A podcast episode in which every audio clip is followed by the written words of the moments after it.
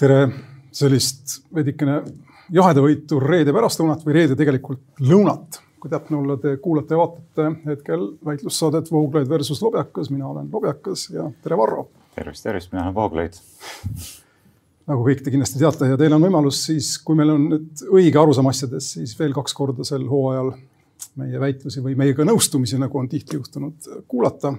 täna on küll potentsiaali rohkem äh, selle versuse esiletulemiseks, kuna teemad on meil sellised väärtuspõhised ja hingelised viisidel, mis kipuvad meid äh, jällegi leeridesse jagama. me tahame rääkida kärpe, valitsuse kärpeplaanidest, siis läbi selle orkestrite ja kaplanite ja hingeabi ja noh, üldiselt selle kaitsevõimu, kaitsejõu Äh, sellise profileerimise teema, mis on, mis on oluline, mis ei ole oluline. tahame rääkida homoabielude seadustamise algatusest, mille raames Roheliste erakond andis, ma saan aru, siis Jüri Ratasele, kes ei olnud autos ega konjaki ja kommidega, andis üle äh, kolmkümmend viis tuhat allkirja ja natuke rohkem, et see seadustataks. Äh, siis räägime Ungari välisministri intervjuust, mille ta andis seekord Objektiivile, mitte enam ERR-ile, nagu sa uhkelt või noh, selgelt siis see on töövõit, eks mainisid ja lõpuks loodame, et jääb aega ka sellele, et rääkida Prantsusmaal järjest enam pead tõstvale, kuidas nüüd öelda siis, tunnetusele, et riigi julgeolekuga, sisejulgeolekuga ei ole kõik mitte korras, kaks satsi sõjaväelasi, üks oma nimede all, üks anonüümselt on kirjutanud Prantsuse presidendile ja muidugi kõik see on osa järgmise aasta presidendivalimiste kampaaniast ja ja noh, selle peatume siis ka, kui vähegi aega on, aga see on huvitav teema iseenesest, sest et tegemist on siis küsimusega, kas ja kuivõrd poliitiline islam kujutab ennast, endast Prantsuse riigi jaoks eksistentsiaalset ohtu. aga alustades siis nüüd äh, kaitseministri, oli see kaitseminister, kes meil, Kalle Laanet siis, kes äh, tõlgendas valitsuse poolt talle antud kärpekohustust niimoodi, et käskis kaitseväe juhatajal siis või andis ta edasi, ma täpselt ei tea, kuidas see käis, aga kaitseväe juhataja, see oli see, kes ütles, et tema äh, kärbiks kõigepealt ära sõjaväeorkestri, mispeale samasugune mõte tuli ka siseministeeriumile, kus on ka orkester, mispeale Tallinna linnapea Mihhail Kõlvart ütles, et pakub kohe peavarju nendele orkestritele, ma ei kujuta siis ette, tuleb Tallinna linna kaitseväe orkester. Tallinna linnale kaitseväge ka vaja. no täpselt, et siin omaette nagu avaneb siin täiesti omaette mõõde aga siis paralleelselt on meil tegemist ka vist nüüd plaaniga sõjaväes kaotada ära või koondada kaplanid, hingeabi pakkuvad vaimulikud. Ja kui ma nüüd lühidalt ütlen seda, mis ma ise arvan sellest, siis äh, noh, see kõik on muidugi selline punane heeringas, nagu öeldakse inglise keeles, ehk jutt käib sellest, mis ei ole tähtis. ilmselgelt, kui me tahame kärpida ja kui peaminister võtab tõsiselt seda, mida ta ütles eile autoraadiost mulle uudiste keskel bürokraatia kohta, et bürokraatial on kalduvus alati laieneda ja väike riik ei jõua seda kinni maksta ega välja kanda. siis jumala eest, ma tean, et noh, me kõik teame, kaitseministeerium on üle mehitatud viisil, mis ta vist teeb inimese kohta kaks korda suuremaks, kui Soome oma on. või siis ütleme riigi kohta, kui sa proportsioonid võtad, eks on meil vaja sellist kaitseministeeriumi. aga muidugi bürokraatia enda kallale ei lähe selle unustas Kaja Kallas ütlemata ja ta lepib ka sellega siis, et bürokraatia läheb orkestrite kallale no,. mina ei ole suur puhkpillide armastaja ja kui siin keegi, oligi vist Mihhail Kõlvart, kes ütles, et kui kahurid, muidugi kahurid, kui kahurid kõnelevad, siis muusika, muusad vaikivad. kui puhkpillid kõnelevad, siis muusad vaikivad. on minu asi, arusaam asjast ja kaplanitest, ma olen täitsa seda meelt. sama meelt ilmselt siis kaitseväe ülemjuhatajaga Heremiga, et vaja oleks psühholooge või ütleme siis mitte mitte usutunnistusest sõltuvat hingeabi, vaid, vaid midagi ilmalikku ja professionaalsemat kui täna. No mina ei oska nende professionaalset taset hinnata, kui nüüd lõpust alustada, aga pidades silmas, et vist, kuidas see on, kas kolmandik Eesti ühiskonnast on kristlased või natukene vähem, aga noh, suurusjärk on ilmselt õige, siis äh, ei ole ju ka palju palutud seda, et kristlastele, kristlaste poolt oluliseks peetud hingeabi oleks kaitseväes põhimõtteliselt ikkagi olemas, sellepärast et kaitsevägi teatavasti on ka selline koht, kus inimesed, eriti noored inimesed, eks ole, sattudes äh, keskkonda, millega nad ei ole harjunud. kus on väga tugev distsipliin, sageli ka väga suured nõudmised, loodetavasti vähemalt äh, tekitavad ka erinevaid äh, vaimseid ja psühholoogilisi pingeid, eks, et ma arvan, et seal on koht nii psühholoogidele kui ka kaplanitele, nii et äh, kangesti see samm jätab küll sellise mulje, et kaitsevägi ütleb kristlaskonnale, et meid teie sellised nagu huvid ja ootused nagu ei huvita. noh, mis muidugi vastastikuse printsiibist lähtudes võiks siis tähendada seda, et kristlased ütlevad, aga meid teie ootused ja huvid ka ei huvita, et. ja noh, niimoodi see riigikaitsetahe siis nagu langeb, et ma iseenesest ei näe, et see nagu mõistlik oleks seda rada pidi seda asja arutama hakata aga mis nüüd sellesse orkestrisse kaplanaadi, kaplanite koondamisse laiemalt puutub, siis siin oleks tegelikult rääkida õige mitmetest asjadest, mis osutuvad palju põhimõttelisematele probleemidele kui need orkestrid või kaplanid ise. Ja ma ei tea, ega meil aega selleks kõigeks loomulikult ei ole. hakka, hakka kohe peale. sa tõstsid ka mitmeid olulisi momente, millest võiks kohe kinni hakata.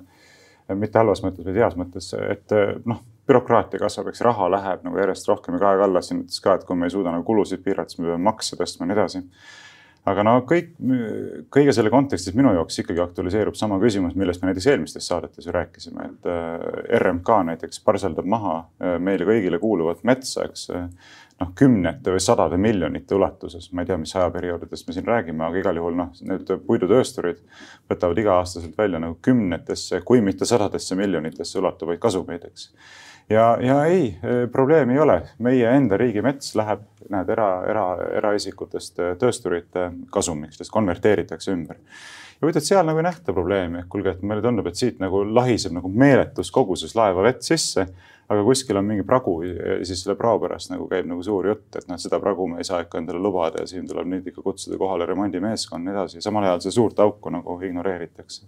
no sama võiks öelda näiteks Rail Balticu kohta, et ma mäletan, ma viimati rääkisin Priit Humalaga avalikult Rail Balticust, ütles, et selle eelarve, kogu eelarve on kindlasti juba üle kahe miljardi kasvanud. see oli minu meelest sügisel või, või isegi varem, kui me temaga sel teemal rääkisime. noh, nüüd on inflatsioon toimunud, toimumas veel, eks see läheb veel kõvasti üles ilmselgelt. projekt niikuinii kallineb muudel põhjustel ka Eesti loodab saada vist toetust kaheksakümne protsendi ulatuses Euroopa Liidu struktuurifondidest, mis on üha ebatõenäolisem, mis tähendab, et meie enda kulu saab olema kindlasti üle kahesaja miljoni. ei, rohkem üle neljasaja miljoni äh, euro äh, sinna projekti. noh, nelisada miljonit ja, ja rohkem, võib-olla viissada miljonit, võib-olla kuussada miljonit, võib-olla miljard, eks ole, kui me ei saa sellises ulatuses äh, toetust nagu loodetakse projektile, mis on sotsiaalmajanduslikult täiesti mõttetu, majanduslikult võttes täiesti mõttetu, tekitab tohutut looduskahju probleemi nagu ei ole, et ei, vaja teha ja tuleb teha ja nii edasi ja siis, kui on üks selle üks koma neli miljonit näiteks see kaitseväe orkester, siis no raha ei ole, no ei ole raha, noh tee, mis tahad, et. Noh, seda rida võiks pikalt jätkata siin Eesti Energia need igast investeeringud Utah'isse ja Jordaaniasse ja Nordicasse taotud kümneid miljoneid, mis on lihtsalt vastu taevast lastud onju ei ole midagi, keegi ei vastuta mitte millegi eest, probleemi ei ole, aga vaata siis, kui on sümbolväärtusega näiteks kaitseväe orkester.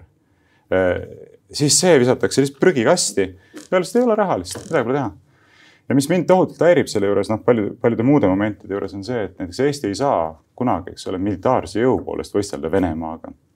Ei saa militaarse jõu poolest võistelda Hiinaga, Ameerika Ühendriikidega, Ühendkuningriigiga, no suurte riikidega, eks Prantsusmaaga ja nii edasi. aga mitte miski ei takista meid võistlemast nende riikide armee väärikusega, eks, et meil on ka oma armee, meil on kõrge armee kultuur Äh, meil on kõrge eneseteadlikkus, eneseväärikus niimoodi, mida väljendab see, et meil on olemas ka väga kõrgel tasemel armee orkester ja muud sellised asjad. Ja, ja, ja mis neid sellistest sümbolväärtusega asjade prügikasti viskamisest vastu vaatab, on see, et sa isegi ei oska väärtustada seda. et tegelikult kultuuriline tase on väga oluline osa sellisest armee kultuurist, mis omakorda on väga oluline osa niisugust rahvuslikust ja riiklikust kultuurist ja see teeb mind murelikuks, et kui me tahandame armee selliseks sõjardite üksuseks, mitte nagu tegelikult ka härrasmehelikkuse, au, au, aulisuse ideaali edasikandvaks äh, struktuuriks, noh siis, siis ma ei tea, mina ei, ei oska sellises armees üldse erilist mingit väärtust näha, väga vabandan. Jah, ma, kui ma seda sinu viimast mõtet hakkan nagu süvenen sellesse mõttesse, siis mulle tuleb silme ette, ma elasin Belgias, üksteist aastat tuleb silme ette Belgias praktiseeritav komme.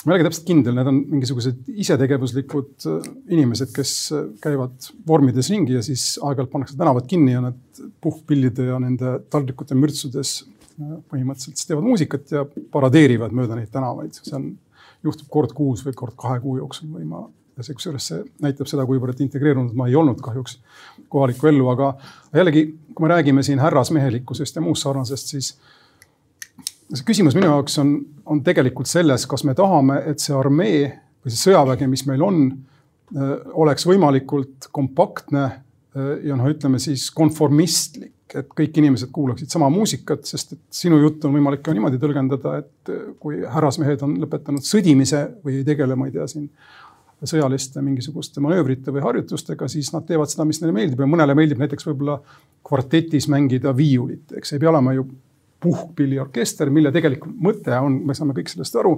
paraadidel ja sellistel üritustel kõigi jaoks sama muusikat mängida. minu arvates kahekümne esimese sajandi armees võiks ju anda kõikidele inimestele need iPodid ja nad kuulavad ise, mis muusika neid parajasti turri ja niimoodi noh, fleksima ajab või fleksida lubab, nagu ütlevad nooremad inimesed, ehk siis annab neile selle süsti, mis on kõige olulisem, eks, ja noh, siis võib võib ju ka tsenseerida seda muusikat, inimesed ei kuuleks seal mingit räppi, vaid kuulaksid näiteks Schubertit, eks, aga noh, ei ole ju võimatu, et me saame selle asja tehtud ka tänase tehnoloogiaga ja ütleme individualistlikumalt. ja ma ei ole kindel, et ma sinuga siinsamas samas paadis oleksin. see on tegelikult väga huvitav omaette arutelu objekt, et noh, et äh, võib ma korra pistan vahele, et mida me nagu taotleme selle armeega, selles on minu jaoks küsimus. no mina ei taotle konformismi ega samasugusust nendele sõduritele, eks nad oleksid nagu, nagu ma, nagu, nagu ma, maleetturid, eks. see on selle tänase orkestri mõte ikkagi lõppkokkuvõttes, üks muusika kõikidele inimestele, üks, üks, üks, mis ta on siis, eeskava ei no tegelikult ei ole ju nii, et igaüks ka armees võib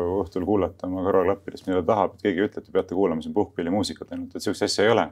aga mida orkester loob kahtlemata on esiteks selline traditsiooniline järjepidevus, eks ole, et, et vanaisa käis armees, isa käis armees, mina käisin armees, pojad käisid armees, eks ole, meil on mingisugune üks kokkuliitev militaartraditsioon mille, mis muuseas on väga ilus traditsioon, esteetiliselt kõrge väärtusega, mis nõuab suuri, suuri professionaalseid oskusi, eks. mis nõuab äh, palju harjutamist, mis nõuab äh, distsipliini, mis nõuab korda, mis nõuab struktuuri, kõiki selliseid asju, mis on tegelikult militaarse kultuuri poolt edendatavad äh, voorused ja hüved ühiskonnas ja mis, milles mina näen muuseas armee peamist funktsiooni ühiskonnas. ma ei näe armee peamise funktsioonina seda, et nagu sõjaardeid kasvatada ja sõdida. kahtlemata riigi kaitseline funktsioon on tohutult oluline, aga ma julgen arvata, et olulisem veel on selline mehelikkuse ideaali edasiandmine, eneseületamise võime kasvatamine, saamine, arusaamine sellest, et on oluline oma elus äh, mingi struktuur luua, kord, eks järjepidevus, distsipliin. et see on tegelikult see, mis võiks olla armee peamine funktsioon ja siis, kui seal on ka kõrge kultuuriline tase, eks. näiteks see, no mis on rivitrill, eks noh, rivitrill on ju tegelikult niimoodi võtta nagu iseenesest eraldi võetuna täiesti mõttetu asi, eks. ja kõik mehed käivad ühte sammu niimoodi täpselt ühes rütmis, nad täpselt ühes reas, nad kõik vaatavad, kõik oleks sirge niimoodi ega mis selle militaarne funktsioon on, seal ei ole militaarne. ta on distsipliini, distsipliini demonstratsioon, tal on tegelikult funktsioon, ta näitab seda, et need väeosad oskavad käituda nagu üks mees, üks rusikas. täpselt, oskavad pöörata tähelepanu kõige väiksemale detailile, oskavad näha kaaslast enda kõrval, arvestada temaga, tegutseda ühes hingamises on ju, see on tegelikult tohutult oluline asi ja no ma ütlen, et äh, kui ma näen ka seda, kuidas ohvitserid lasevad ringi mingisugustes laigulistes pükstes, mis on saabastesse topitud, selle asemel, et käia nagu ohvitseri univormis, eks ole, mis teeks temast sellise mudelhärrasmehe. no siis see on minu, minu jaoks on see selgelt sellise kultuurilise allakäigu märk ja loomulikult on kultuurilise allakäigu märk ka selle kaitseväe orkestri piltlikult öeldes prügikasti viskamine. sa räägid äh, traditsioonist minu jaoks on see. aga on ju traditsioon oluline. aga see on korduv motiiv, ei loomulikult, ta võib, me võime sellest rääkida, kas ta on oluline või ei ole, teatud mõttes ma saan sinust aru ja ma olen sinuga isegi nõus. aga kui sa räägid pojast, isast ja vanaisast, siis on ju selge see, et inimesed, kes olid ainult natukene vanemad minust, käisid Vene armee, Nõukogude armees mm., eks meie isade generatsioon käis Nõukogude armees, kes, kes käis armees, kes ei käinud. ja see on ju hoopis teistsugune traditsioon, seal on hoopis teistsugused väärtused, mehelikkust realiseeriti seal avalikult või kuidas öelda nüüd noh keskmisena läbi dedovšina ja selliste asjade, eks tegelikult seda traditsiooni ei ole. minu küsimus on, kas meil on teda siin Eesti Vabariigis väga vaja selline nägu teha, nagu me oleme, nagu me oleksime nagu Soome, kellel ei ole viiskümmend aastat vahepeal anneksiooni ja võõrat võimu, eks. ja me võime, mina pooldaksin seda, et me alustaksime otsast teatud mõttes ja ei võtaks seda tuhande üheksasaja kolmekümnendaid ja nii edasi väga tõsiselt. sest et nad on lõppkokkuvõttes tänasele ühiskonnale kammitsad ja, ja need nägemist piiravad silmaklapid, eks. ja selles mõttes ma ei näe seda Kaplani orkestri probleemi nii traagiliselt. tulles korraks tagasi selle asja nagu laiema plaani juurde, mida sa ka mainisid, see eelarve küsimus ja nende rahade suurus, siis kui ma ei eksi, siis need kärped on vist kuuskümmend miljonit suured, eks. ja noh, see on tõesti, ma olen sinuga täiesti nõus, siin on, siin on näiteid või isegi absurdseid näiteid võimalik võtta kümneid, kui mitte sadu ja mulle endale torkab pähe näiteks kunagine arvutus, et ka fentanüüliturg on meil suurem, aastane fentanüüliturg, kui, kui need kärped, mida riik siin teha tahab. Mm.. ja noh, sa siin tõid teisi näiteid, eks ma äh, jah, mul oli midagi peas, mis mul nüüd, ma tahtsin, kuhu ma jõuda tahan, on see, et äh, meil on üldiselt ja mind see kunagi rabas ja mulle öeldi, et ei, nii peabki olema ühes tsiviliseeritud riigis, meil on üldine selline äh, läbipaistmatus valitsevaks keset eelarve koostamist ja keset eelarvest e, eelarvet ennast ja kui ma nüüd ei eksi, siis kuulsin ka Kaja Kallast kurva häälega sellest rääkimas. et nüüd lõpuks tahetakse ikkagi eelarve teha läbipaistvamaks, ma ei tea, mida ta selle all mõtleb, ma ei tea, mida Reformierakond saab üldse mõelda selle all, olles ise olnud valitsuses seitseteist aastat, eks siin pikka aega. aga see asi algab ju kõik sealt nii-öelda sellisest noh, sellest praktikast, millele ma viitasin, mida, mida on õigustatud siin, et, et, et meil ei ole selline eelarve, kus on näha, mis juhtub sisse makstud rahaga. et näiteks, ma ei tea, maanteetrahvid läheksid maanteeametile ja arendaksid liiklust või midagi sellist, ei ole, see raha läheb kõigeks, milleks poliitik tahab ta kulutada ja see on minu arvates A ja O, kui me sa saaksime selle sammu astutud et asjad oleksid nii-öelda valdkonniti vähemalt selged, need raha, rahavood ja nii edasi, siis ma arvan, et see tulemus oleks ka palju mõistlikum ja ei otsitaks selliseid tõesti laest võetud asju nagu säästa üks koma neli miljonit orkestritelt, sest oleme ausad, riik säästaks rohkem, kui ta, kui ta konfiskeeriks kuluhüvitised, eks Riigikogult.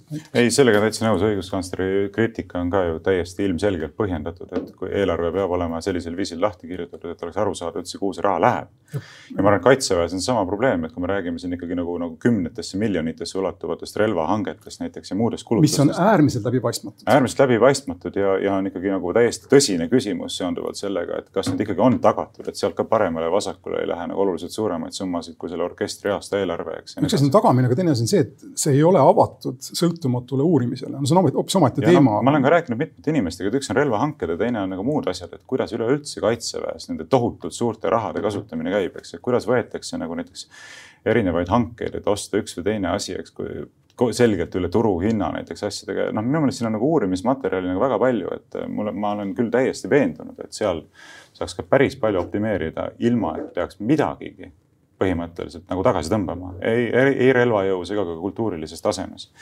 äh, selle asemel muidugi minnakse kohe, eks ole, sümbolväärtusega asjade kallale. ja ma ütlen omalt poolt ühe väga põhimõttelise asja selle teema, ma ei tea, palju sa tahad seda veel käsitleda, sina juhid saadet, aga. aga mis mind nagu kohutavalt häirib, on see, et kui me vaatame nagu minu jaoks ultimatiivselt on küsimus selles, kas meil on siin üldse mingi oma riik või ei ole ma tean, et sina oled ju korduvalt meie saadet osutanud sellele, et noh, Eesti rahvale käibki see omariiklus üle jõu ja ma olen öelnud, et ei, ma ei ole nõus sellega, et ei, ei tohi käia, eks.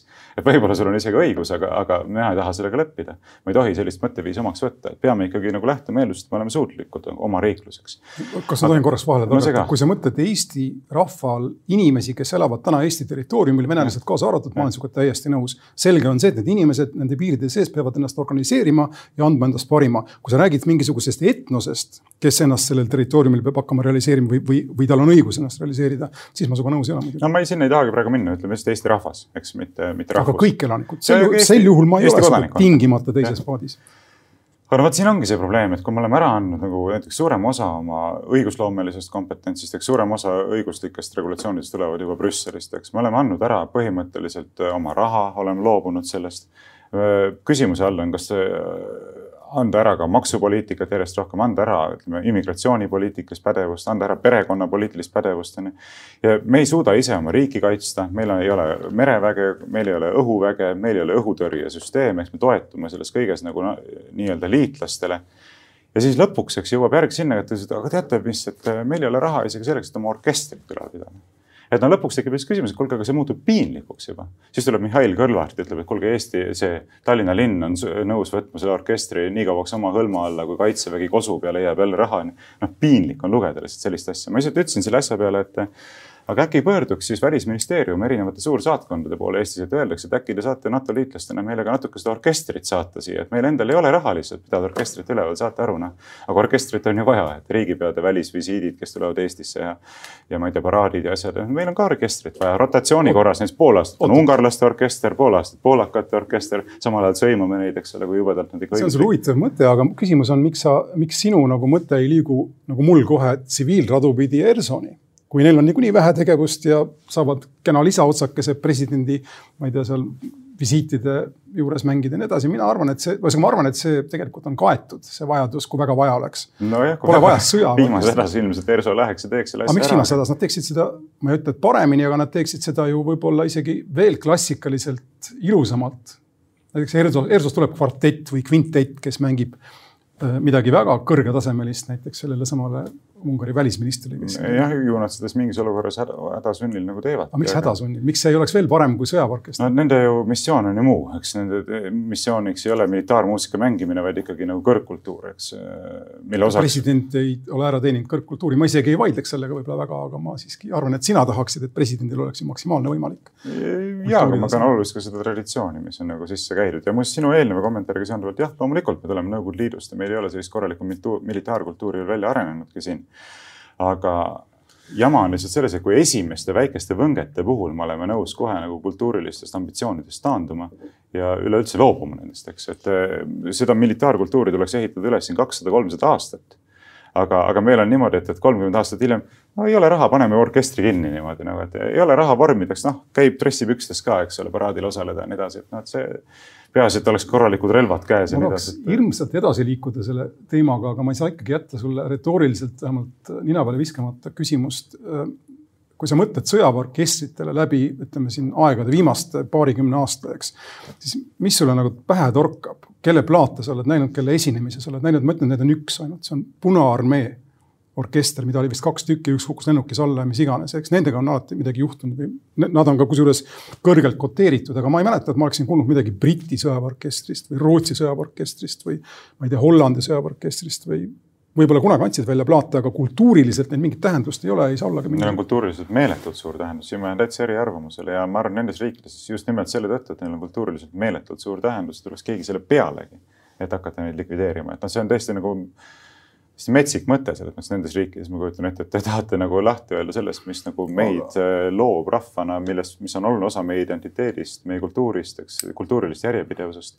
keegi tuleks selle pealegi soomlaste puhul, näiteks hakkame militaarorkestrid ära likvideerima. ma ei ole kindel, aga see on hea koht, ma arvan, teha üks väike vahe ja rääkida teistest asjadest, mis meid rahvana seovad või ei seo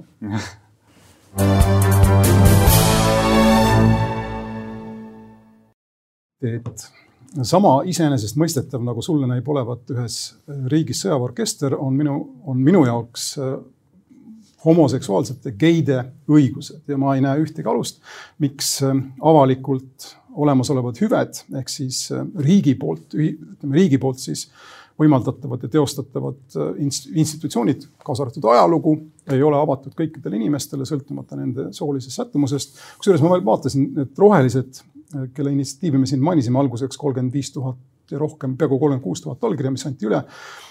rohelised tahavad, et äh, defineeritakse abielu ümber kahe inimese äh, liiduks sõltumata soost, aga ma oleks isegi natukene julgem, ma, ma seda numbrit ei panekski tingimata paika ja ma tulen tagasi enda mõtte juurde, et kui on vaja meil mingit abielulaadset instantsi, siis abielu nimetuse võiksime ära anda kirikule. Äh, las kirikud teevad nagu tahavad, eks sellel abielul ei oleks seaduslikku jõudu, seaduslik jõud oleks, ütleme siis partnerlusele või leibkondlusele ja nii edasi ja selle juba defineeriks riik ning niiviisi siis võrdsustaks sisuliselt abieluga kõik muud võimalikud partnerlused noh, mõistlikkuse piirides, eks, kus tegemist on loetud arvu inimestega, noh, kellel on võimalik anda mingeid hüvesid ja nii edasi, eks, ega me muust ju ei räägi. mõistlikkuse piirides ehk mehe ja naise vahel. nojah, vot täpselt, mina näen põhimõtteliselt armastust ka individuaalses plaanis ja igaüks armastab nii nagu oskab, tahab ja nagu ta on säetud. ma arvaks, ma arvan, et Jeesus Kristus oleks siin minuga nõus. see on muidugi nüüd suur imputatsioon, aga tuli, tuli üle huulte, igal juhul ma, mina toetan seda rohelist algatust täielikult muidugi. iseasi on see, et mulle ei meeldi see number kolmkümmend viis tuhat, ma oleksin tahtnud näha kolmsada viiskümmend tuhat või minu pärast miljon kolmsada viiskümmend tuhat seal. ja see number iseenesest kahjuks on hetkel liiga väike, aga noh, meil meil on aega veel, nagu ütles üks, üks Eesti noorteorkester, bänd, kui nii tohib öelda, ühes tuntud laulus. ja no on ju selge, kui me vaatame hoiakuid ja väärtushinnanguid noorte seas, et on aja küsimus kümme, viisteist, kakskümmend aastat, kuni vähemalt see homo küsimus läheb meil ajaloo prügikasti, nagu ta on läinud muuseas ka paremäärmuslaste juures Prantsusmaal, Saksamaal ja mujal. AfD-l oli Berliini kohalikel valimistel viimastel homoseksuaalist gei kandidaat ja ma ei saagi ausalt öeldes aru sellest äh, arhaismist, mida selle homo teemaga siin äh, meil harrastatakse, ka sina harrastad, ma kahe käega näiteks lugesin, et Objektiiv või sina läksid ja andsid kohtusse, ühesõnaga andsid sisse kaebuse selle piirangute režiimi osas, eks. kui selle kõigega ei kaasneks seda homofiksatsiooni, siis ma, siis me oleksime üsna ühel meelel paljudes asjades no esiteks alustame sellest, et ei olegi mingit fiksatsiooni. Võtame näiteks praeguse olukorra, kas SAPTK näiteks teeb midagi selleks, et hakata sel teemal jälle ühiskonnas tüli üles kiskuma, vaidlema, riidu tegema mitte midagi ei tee. me, me ei ürita mitte midagi teha, me ei ole kunagi alustanud mingit kampaaniat selleks, et ma ei tea, homoseksuaalidelt mingeid õigusi ära võtta või kedagi hakata vangi panema, eks. samal ajal homoaktivistid on ainukene grupp ühiskonnas, kes tahaks neid inimesi, kes nendega ei nõustu, hakata vangi panema, eks nemad lobistavad peamiselt äh, avalikku võimu selles suunas, et saaks seadused muudetud, mis võimaldaks mind, minu mõttekaaslasi, teisi konservatiive, kes nende vaateid ei jaga ja vastu räägivad, vangi panna. nii et noh, seal on tegemist inimestega, kes ei austa päris kodanikuõigusi ja vabadusi, äh, päris inimõigusi ja samal ajal, eks ole, edendavad oma enda ideoloogilist agendat, äh, kaaperdades inimõiguste retoorika olgugi, et nendel on tegelikult täpselt samad kõik põhiõigused, põhiseaduslikud õigused ja vabadused, nagu on kõikidel teistel inimestel, nii et äh, noh, me oleme sellest palju rääkinud, aga paljugi sellest on selline manipulatiivne vale lihtsalt. ja, ja ma ütlen veelkord, et ega, ega minu huvi ei ole mitte midagi hakata siin sel teemal rääkima, rahulikult hea meelega keskenduks oluliselt teistele asjadele, olulistele küsimustele, sisulistele asjadele, see on isegi alandav, mingi homoseksualismi teemadele hakata jälle siin nagu mingit ühiskondlikku arutelu ja võitlust pidama, et see on noh, normaalses ühiskonnas ei peaks sellise asjaga üldse tegelema ja ma arvan, et homoseksuaalid, et homo liikumine teeb tegelikult homoseksuaalidele endale sellega karuteene, et kui jätta see teema rahule, elage rahulikult oma elu, keegi teid ei sega, keegi teid ei takista. muuseas, selline tsiviilõiguslik institutsioon, mille järele see igatsust väljendused on juba olemas, selle nimi on seltsinguleping reguleerige kahekesti, kolmekesti, viiekesti, ükskõik kui paljukesti oma tsiviilõiguslikke suhteid, vajadusel saab sinna teha mingeid kohendusi. kõik on tehtav, aga, aga noh, nagu me teame, sina ütlesid selle kohta fiksatsioon, aga tegelikult on siin tegemist vist vastuseidmisega radikaalsele ideoloogilisele agendale, mis võib lõppeda sellega, et mind ennast ja muid minu mõttekaaslasi hakatakse vangi panema. see ei ole fiksatsioon. tähendab, sa, sa, nagu... sa oled homoabielu vastu sellepärast, et sa kardad, et siis peale selle institutsiooni kehtestamist sinu kriitika võib su vangi viia, sul ei ole midagi homode vastu ega abielu, homo abielule vastu, aga sa kardad vangi minna. ei, mitte seda, loomulikult ennekõike on küsimus selles, et see on printsipiaalselt vale lihtsalt, et nad ei ürita ju saada mitte mingi noh, mis on see abieluvõrdsuse retoorika, eks, et nagu justkui praegu oleks kuidagi abielu ebavõrdselt reguleeritud. ei, küsimus on selles, tahetakse abielu ja perekonna tähendust ümber kirjutada seaduslikul tasandil, eks. saada riiklikku tunnustust homoseksuaalsetele suhetele, justkui need oleks perekondlikud ja abielulised suhted. see on peamine asi, see on lihtsalt vale, see ei vasta inimlikule reaalsusele, eks see on printsipiaalne, aga sekundaarselt on kindlasti oluline ka see, et tegemist on radikaalse diktatuuriliselt meelestatud seltskonnaga, kes tahab hakata mittenõustujaid vangi panema. sellises tahad, ühiskonnas me ei taha elada lihtsalt. sa tahad ju mulle siis öelda, et AfD ja Marine Le Pen näiteks, kellel puudub igasugune probleem homo äh, homoks olemisega kui sellisega Saksamaa katoliiklased, kes siin kas kümmekond aastat või rohkem on, on, on saanud äh, geiliite äh, nagu ütleme, õnnistada siis oma kirikutes, eks, ja see ei ole küll Rooma poolt sanktsioneeritud, aga üle Saksamaa on selline praktika käib, et need inimesed lähevad vastu sellele, mis on inimlik kuidagi. sa, sa, ma ütleksin, sa maalid ennast väga kitsasse nurka, kui sa ütled ära isegi sellistest liitlastest Euroopas. no Saksamaa katoliku kirikus toimuv on lihtsalt täielik katastroof, siin ei ole mitte mingit saladust vaja teha, et sisuliselt on tegemist skismaatilise olukorraga, et see ei ole enam osa katoliku. sa ei vali seda, vabandust, ma hüppan nüüd korraks teemalt ette, aga sa ei vali seda Ungari välisministri poolt väljendatud mõtet, et kuna ta pole eestlane, siis ta Eesti sisepoliitikat üldse ei kommenteeri. sina ei ole sakslane, aga sa Saksa katoliikluse kohta ütled, et see on. ma olen katoliku kiriku liige, nii et ma kommenteerin sise, siseküsimusi. aga paavsti sa ei pea, mis ta on, infallible eesti keeles sa, sa ei arva, et paavstil on alati õigus? ei arva, et paavstil on mm. alati õigus see, see ei vastagi tõele, sellist õpetust pole katoliku kirikus kunagi olnud ja ei ole praegu ka. ikka vaieldi selle üle, kas paavstil on õigus või mitte. alati mitte kindlasti Inf. Infallibility, ma ei oska eesti keeles öelda seda. ilmeksimatus. ilmeksimatus, see on teema olnud küll ju. on küll, aga see on väga kitsastel tingimustel, kui sellest räägitakse, nii ei ole, et alati on õigus kõikides. doktrinaalne ilmeksimatus. jah, doktrinaarne ja seal ka on omad, omad tingimused, mis peavad olema täidetud aga no mis inimlikkus, öelda, et see ei ole inimlik, et eh, inimlik on see, mis on kooskõlas inimliku loomusega, eks. ja inimliku loomuse osaks on see, et me oleme mehed ja naised, nii et, et see, sellele me oleme vaielnud, me võime veel vaielda, aga, aga lihtsalt ideoloogiline hullumeelsus ongi see, kui minnakse vastu reaalsusega, minetatakse kontakt reaalsusega, luuakse mingisugune ideoloogiline konstruktsioon, millest lähtuvalt tahetakse kogu ühiskond ümber kujundada, aga see ideoloogilist konstruktsiooni peetakse olulisemaks kui reaalsust, eks. et noh, reaalsus on see, et eks on, on inimesed on mehed ja naised, inimelu antakse edasi mehe ja naise vahelistes suhetes suhetes. sinna ümber on ehitanud perekonna institutsiooni tähendus, sinna ümber on ehitanud seda kindlustav abielu institutsiooni tähendus.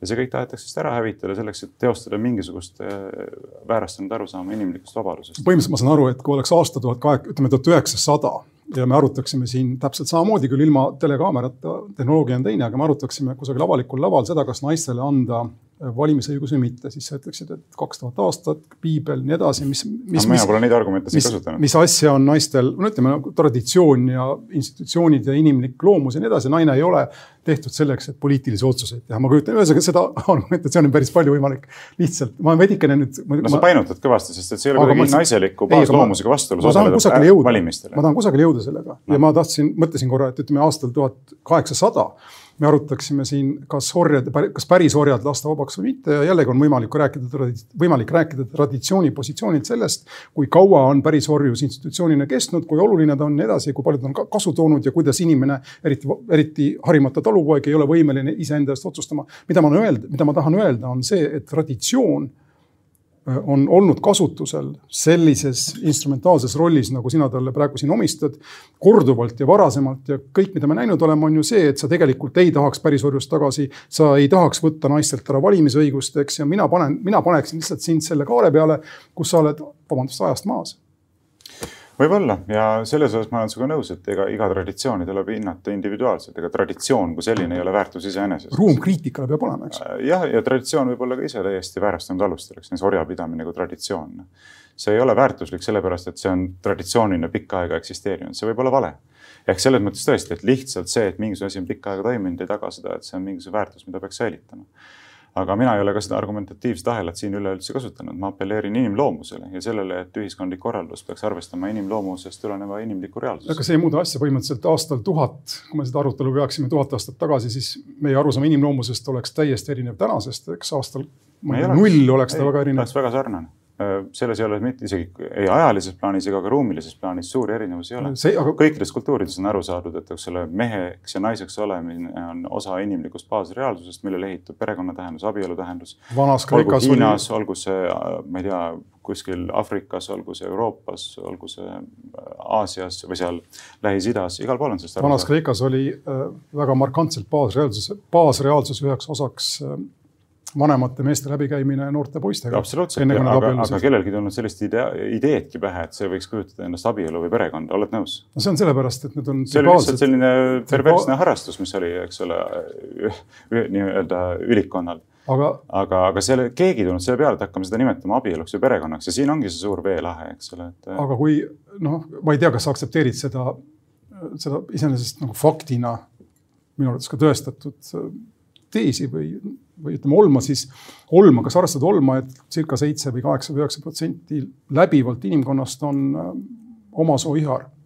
kas sa arvad, et inimesed peaksid ennast lihtsalt keelama, endale keelama armastuse manifestatsioonid või väljendamise? esiteks, see number on väga hullult üle pakutud, seda numbrit on muidugi võimalik propaganda ja sellise kasvatustööga. olgu üks protsent, olgu üks protsent siis, kes on loodud niimoodi, et nad armastavad oma soo esindajaid. kas nendele inimestele peaks siis aegade lõpuni olema keelatud võima, võimalus enda armastust väljendada, kusjuures sa oled ju nõus sellega, et nad seda teeksid vaikselt ja omaette. kõik, mida mina küsin, on see, et kui meil on jagatud äh, demokraatlik ja vaba riik, kus iga indiviid on see, mis maksab, ei näe ma mingisugust alust keelata kellele tahes siis võimalust väljendada oma armastust nii täpselt nagu ta seda tahab Ega.... tegemist on ühiskonnaga, tegelikult on jagatud no, institutsioonidega. kaks kiiret repliiki selle kohta. esiteks on igati normaalne, et eksisteerib meestevaheline armastus ja mina ka ju armastan oma poegi, ma armastan oma isa. ma mõtlen seksuaalset ja, ja.... ei, aga absoluutselt, aga me peamegi aru saama sellest, et noh, isegi see homoseksualismi idee tegelikult väärastab ka nagu sõpruse tähendust, eks ole. ma võin oma sõpra armastada ja siis hakatakse nagu rääkima sellest, et no jaa, et ega see pole ikka see päris ultimatiivne armastus, muidu te peaksite ikka seksuaalselt läbi käima, eks. et ega see seksuaalne läbikäimine ei ole mingi armastuse kõrgeim või ainuvõim mõeldav mõeldav vorm, eks ole. ja seda tuleb ka nagu silmas pidada, kui me räägime armastusest, sellest võiks terve eraldi saate teha, et millest me tegelikult üleüldse räägime, väga erinevat sorti armastust, eks. ja on isegi palju kõrgemat armastust, kui on erootiline seksuaalne armastus, eks selline enese, ennast andev no,. meie räägime erootilise elemendiga armastusest, mis osaliselt on tung, aga osaliselt on viinud ju noh, ütleme siis inimühiskonna selliste šedöövriteni nagu Julia ja Romeo ja kõik see, sa, sa ei saa päriselt eitada, et see tung iseenesest, kuigi ta on võib-olla loomse algega, eks on saanud väljendusi, mis on inspiratsiooniks kõige suurematele asjadele. kõige suurematele kindlasti mitte no,. No, väga suurtele asjadele. suurtele asjadele ilmselt küll, jah. ja mis vahet on seal, kas inimene armastab naist või armastab meest, kui ta on mees, ma, ma tõesti ei näe seda. no ma ütlengi, et armastus on erinevaid vorme, erinevate subjektide vahel on kohane erinevas vormis armastus, et kohane. ma ütlen ka, absoluutselt, et noh, ma ei tea, kui kes, sina armastad kes... oma isa, armastad oma isa või ei armasta?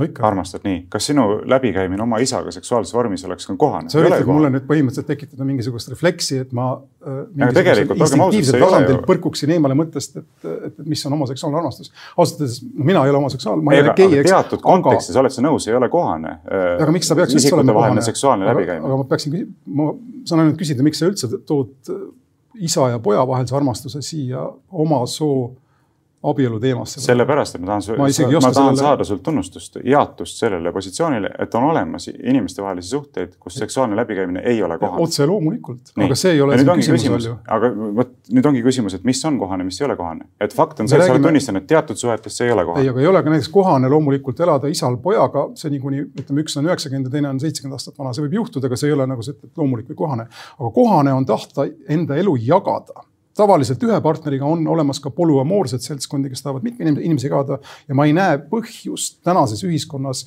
kus meil ei ole enam jumalat ega piiblit, ruudlust ega muud sarnast, eks vähemalt üldises plaanis, keelata nendele inimestele jagada enda elu ja nautida selle jagamise demonstra mm. demonstreerimist kellega iganes. aga see oligi see teine aspekt, mida ma tahtsin mainida, et keegi ei keelagi kes keelab? aga miks abielu juurde, aga miks abielu juurde joone tõmbad? sellepärast, et siin ei ole enam küsimus keelamises või lubamises, vaid selles, et nad nõuavad kogult ühiskonnalt äh, ühiskondlikku tunnustust sellisele eluviisile ja kõigilt omaks võtmist, et selline eluviis on igati moraalne. aga kui enamus on niimoodi otsustanud nagu Saksamaal ja Prantsusmaal, tundub see mulle täiesti probleemitu aga mina leian, et meil on ühiskonnana õigus ise nende asjade üle otsustada, et meil ei olekski seda vaidlust tegelikult üleüldse, kui see, ta ei rahastaks Sotsiaalministeerium, Euroopa Liit, Ameerika Ühendriikide saatkond, Briti saatkond, Põhjamaad, Sorose fond, eks. Need on need, kes rahastavad seda pidevat ideoloogilist propagandat, et me nendel teemadel räägiksime. Eesti ühiskonnast pole kasvanud välja mitte mingisugust nõudmist ega vajadust abielu perekonna institutsioone siin ümber vaatama. muidu me ei räägiks sellest, kui. jah, sellepärast on välismaine rahastus pidevalt, et välismaised ideoloogiad. aga orkestris võtaksid, orkestris sa võtaksid NATO liitlastelt, aga homoideoloogiat ei võtaks ei, ma ei võtaks kumbagi, kui aus olla, et mõlemad on alandavad. aga, aga ma lihtsalt ühe, ühe lause ütlen, et kui me räägime sellest konkreetselt, me ei räägi ju, meil tegelikult teemaks ei olnud homoabielu kui selline, vaid see roheliste poolt toodud petitsioon. vaata, üks aspekt on siin, et ma arvan, et rohelised ei saa mitte kunagi sellist populaarsust, sellist toetust poliitilisel väljal, nagu nad võiksid saada kui neil on äh, mingi fiksatsioon näiteks mingi homoseksualismi propageerimise, normaliseerimisega ühiskonnas, selle asemel, et seista nende asjade eest, mis on reaalselt väga paljudel inimestel. sa ise ütlesid, et homoseksuaalsus on normaalne tähendab, sul ei ole midagi selle vastu, kui seda praktiseeritakse, aga peaasi, et sinu. ma ei ole öelnud, et on aga, aga sa pead ju, eelduseks peab olema see, et sa ei näe teda väärastumisena, mis tuleb välja juurida. nii palju ma vähemalt arvan, et mul sellest aru saab. ma, ma arvan, et paljud muud asjad ka on, ma ei arva, et on normaalne näiteks suitsetamine või muud asjad, aga neid ei pea hakkama jõuga välja juurima ühiskonnast, las inimesed suitsetavad, noh et. mis tähendab normaalne? see on siis äh,. inimloomusega kooskõlas. sa mõõdad seda statistiliselt, et kui on rohkem ei, inimesi, kes on. statistiliselt, vaid äh, sellega läbi, kas see on inimloomusega kooskõlas või mitte. aga kust sa tead? Kus on see viimase instantsi tõde? kui no, see, kui see ei ole. see enamus... on sügavam filosoofiline küsimus, millest ma arvan, me siin ei jõua rääkida. aga mis on inimloomus? no inimloomuse baasosaks on see, et me jaguneme meesteks ja naisteks, sellega peab arvestama. seda on võimalik ignoreerida, aga siin me loomegi ühiskonna, mis ei ole inimnäoline. ma oskan ainult Masingut sulle tsiteerida, on väga heidelikke mehi ja on väga mehiseid naisi. see on väga, see on palju keerulisem teema, kui see tundub. aga meil on tõesti nüüd risk, et me ei jõua üldse arutada kaht viimast teemat. Nonii, lähme edasi. teeme siia väikse pausi.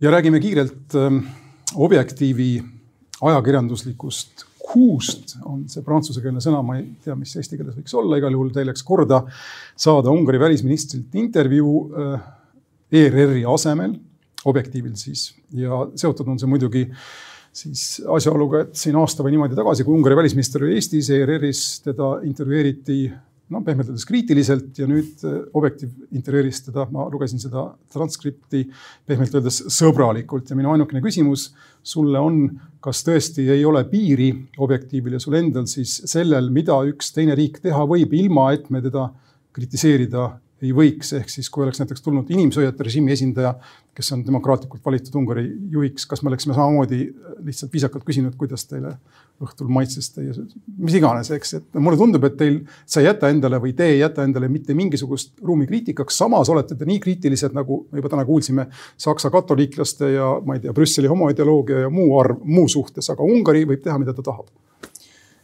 ei, aga me peame esiteks ju tegema siin olulisi eristusi, et kelle kriitikast me räägime, kui mina oleksin näiteks välisminister või ma oleksin äh, peaminister, siis äh, see, mis on minu puhul kohane või mitte, on hoopis midagi muud kui see, kui ma olen see, kes ma praegusel hetkel olen. ma ei ole üldse avaliku võimu kandja. ma võin kritiseerida ükskõik millises riigis ükskõik milliseid protsesse, see on igati normaalne ja ma ei näe siin mitte midagi taunimisväärset. aga antud see, millele sina viitad, on ju see, kui näiteks Eesti Vabariigi valitsuse liige või valitsuse pea peaministri näol hakkab aktiivselt kommenteerima kriitiliselt Ungari sisepoliitikat, eks. ja see on see, millele välisminister ka, Ungari välisminister, muuseas väga professionaalne, hea poliitik, osutab et, et mina ei tule Eestisse selleks, et hakata kritiseerima, kuidas Eestis peaks ühte või teist või kolmandat asja tegema. olgu see siin, ma ei tea, immigratsioonipoliitika või perekonnapoliitika või muu selline. ma ei tule, hakka ütlema, et kuulge, mis te teete, nalja teete, et likvideeriti kaitseväe orkestri või midagi muud sellist. see ei ole minu, see on above my payroll, nagu ta ütleb, et äh, rohkem kui üle minu pea, see ei ole minu funkts-, minu roll, eks. Ja ma tahaksin nagu palju rohkem näha ka Eesti poolt sellist suhtumist, ei ole meie asi minna Ungari sisepoliitikat või Poola sisepoliitikat kommenteerima, kritiseerima, näiteks Euroopa Liidu tasandilt sekkuma nende sisepoliitikasse, ma arvan, et see on igati õiglane hea printsiip aga mis minule sellest intervjuust muidugi silma torkas, kui sellest rääkida, on äh, poliitikute professionaalne tase. sa ütlesid, et sulle ei meeldi videod ja sa pigem nagu lugesid selle intervjuu teksti, aga ma tegelikult täitsa soovitan ka vaadata, no kasvõi mõned minutid seda intervjuud, et kuidas üks poliitik tuleb äh,, annab intervjuu, räägib, eks. ei loe kramplikult ette mingisuguseid kirja pandud jutupunkte, mis talle on välisministeeriumi ametnik kaasa andnud. vaid lihtsalt nagu mina sinuga siin istun maha, nii, sa küsid mult küsimuse, ma vastan küsimusele, mina küsin, sina vastad, eks. et inimene on suuteline ja tal on selline enesekindlus, mis võimaldab talle üleüldse vabalt rääkida rääkida. ma olen päris palju näinud selliseid inimesi, kaasa arvatud Arnold Rüütel ja Romana Brodi näiteks. ja, ja pane näiteks Jürgen Ligi näiteks inglise keeles niimoodi intervjuud andma või Jüri Ratas või Toomas Tõniste või kes iganes. Jüri Ratasel ei olnud probleeme, Jüri Ratas on selles mõttes väga talendikas, et tal siukseid probleeme ei ole. paned peale oma sellise standardvastase laadi ja, ja, ja, ja see ei avalda muljet, see on madal poliitiline tase, professionaalne tase. aga mind huvitav küsimus on ikkagi selline, kui oleks meil aasta kolmkümmend seitse ja Eesti välisminister läheks kolmkümmend kaheksa mm. pärast kristalli. mul jäi see küsimus vastamata, jah. Läheks, läheks, ma ei tea, Berliini ja tuleks tagasi ja üldse ei ütleks midagi Saksamaal toimuva kohta, siis minu küsimus on, kui kallid tegelikult on meile need põhiseaduslikud väärtused, millest me niimoodi siin teistes kontekstis räägime, nagu need oleksid absoluutsed. me peame kusagil joone tõmbama ju ei, selge see, kusagile peab joone tõmbama, aga küsimus ongi see, selles, et kuhu see joon tõmmatakse ja kas see joon tõmmatakse erinevate riikide puhul nagu ühtemoodi, et äh, ma ei mäleta, et näiteks kui ma ei tea, Ameerika Ühendriikide president või äh, keegi valit-, administratsiooni liikmetest oleks Eestisse tulnud, oleks hakatud rääkima, et miks te Iraagis olete põhjustanud rohkem kui miljoni inimese surmani. vot see on nüüd reaalne asi, kus võiks hakata kritiseerima. Te olete tapnud ära miljon inimest, eks kuidas te kommenteerite seda, kus teie väärtused on, kus teie põhimõtted on niimoodi? Et eh, kui sa küsid mu käest, et kas on kohane teise riigi siseasju kritiseerida, siis ma arvan, et on küll teatud juhtudel jah, kui näiteks viiakse ellu genotsiidi, siis ei saa öelda, et noh, see on see teie siseasi, et me ei sekku sinna, eks aga, aga Ungari puhul näiteks, kus on, Ungari ei ole kuskile välisriiki mingit invasiooni teinud, ei ole tapnud ära kümneid, sadu tuhandeid inimesi või üle miljoni inimese, eks, äh, siin äh, sõjaliste vallutussõdade käigus. ja võetakse mingisugused täiesti tühised asjad millest tehakse nagu tohutu elevant ja hakatakse kritiseerima, et siin, siin näed ka väga selgelt topeltstandardid. siin ma tahaksin nüüd versust rakendada natukene, Ungari on ikkagi riik, kus äh, võivad toimuda vabad valimised, aga kasutades Euroopa Komisjoni sõnavara, mis on tegelikult väga, ütleme täpseks lihvitud just äh, eks-Nõukogude Liidu territooriumi ja nende postsovjetlike riikide peal, siis võivad olla valimised vabad, aga kui on loodud mänguväljak, mis ei ole tasane ehk siis valitsus kontrollib näiteks meediat, televisiooni ja nii edasi, siis on tegemist valimistega, millel konkurents ei ole piisav. Ja ma ütleksin, et Ungari on riik ja Poola on riik, kus valimistel konkurents ei ole enam, nad ei ole kompetitiivsed, ma ei oskagi eesti keeles sõna siin öelda, see on, need on gradatsioonid, aga ma arvan, et sellepärast üks demokraatlik riik nagu Eesti peaks muret tundma, et Ungaris ei ole enam niimoodi, et sa opositsioonina lähed valimistele tasasel mänguväljakul? no see on selline hinnang, ma ei oska seda nüüd lähemalt kommenteerida, ma arvan, et Ungaris täiesti toimiv demokraatlik süsteem, demokraatlikud institutsioonid, toimuvad regulaarsed valimised, et äh, niimoodi võime öelda iga asja kohta. võime Eesti kohta, võime Eesti kohta ka seda öelda, et noh, et Reformierakond on liiga dominantses positsioonis, et siin tuleb sekkuda midagi hakata korraldama. aga minu lühike kommentaar on see, et senikaua, kuni Eesti võtab vastu näiteks nii-öelda liitlastelt sõjalist abi senikaua, kuni näiteks võetakse vastu seda, et Ungari lennukid käivad siin meie õhuruumi valvamas ja nii edasi, tuleks üleüldse oma mokk maas hoida ja mitte ühtegi sõna rohkem ütelda. see on ju täiesti vastuolus nagu riikliku väärikusega, et ühelt poolt sa lased nendel riikidel iseennast kaitsta ja teiselt poolt kuskil nende selja taga käid sudimas ja ütlemas, vaadake nendele suhtes tuleks mingeid sanktsioone rakendada, lõpetage ära lihtsalt, et see on vastuolus elementaarse riikliku väärikusega. siin on sul põhimõtteliselt õigus, aga ma arvan, et teistel põhjustel natuke, kui see väärikus ma arvan, ei lähe ühelegi riigile korda, kui tegemist on selliste eksistentsiaalsete küsimustega nagu Eesti riigi püsimine või mittepüsimine no,. me peame põhimõtteliselt oma noh, omaenese eksistentsi nimel moka maas hoidma. jääda püsima ebaväärikana ja. ei ole eesmärk, mis vääriks pürgimist. kusjuures siin ma olen sinuga isegi teatud mõttes nõus, aga ma ei ole päris kindel, et, et ma saaksin kasvõi Lennart Merigi kombel öelda põlvepikkuse poisikeseni.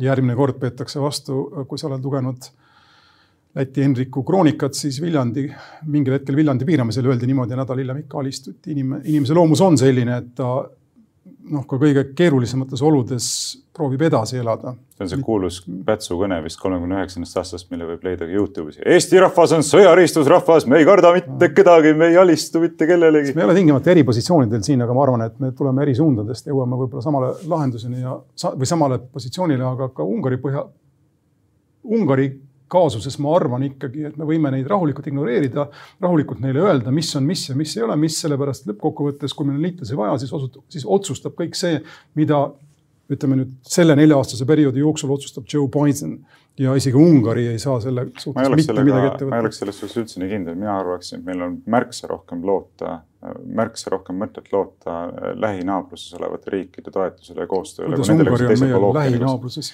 no selles mõttes võrreldes Ameerika Ühendriikidega kindlasti, et. ma pigem pakun vastupidi, Ameerika Ühendriikide huvid meil on palju rohkem kehastunud kui Ungari huvid meil või meie huvid Ungaris. Ungari probleem on Türgi, Balkan ja nii edasi, asjad, millest me oleme väga kaugel. see on ka põhjus, miks see kogu see Intermariumi äh, idee on jamps, et tekib mingisugune Rumeeniast kuni, ma ei tea, Soomeni ulatuv julgeoleku vöö, see on absurdne. no aga... siin võib mõelda Jalta ja Potsdami konverentside peale ja siis tuletada sellest järelduse, kui palju nende peale tasub loota. siin võib mõelda paljude asjade peale, ka nende konverentside peale, aga meil on nüüd aeg ümber ja ma tahtsin saate lõpuks veel öelda, et meie RMK jutu kontekstis ma ütlesin möödunud kord, et Daniel Vaarik äh, kirjutas võib-olla selle Jeremiadi Akadiani omanikuna, millega siis meid ründasid Eesti puidu- ja metsatöösturid, aga ma nüüd saan aru, et Daniel Vaarik ei ole enam Akadiani omanik, kuigi tema nägu kasutatakse selle firma esilehel endiselt. nii et, et selgitus, siis tema seda ei kirjutanud, seda kirja.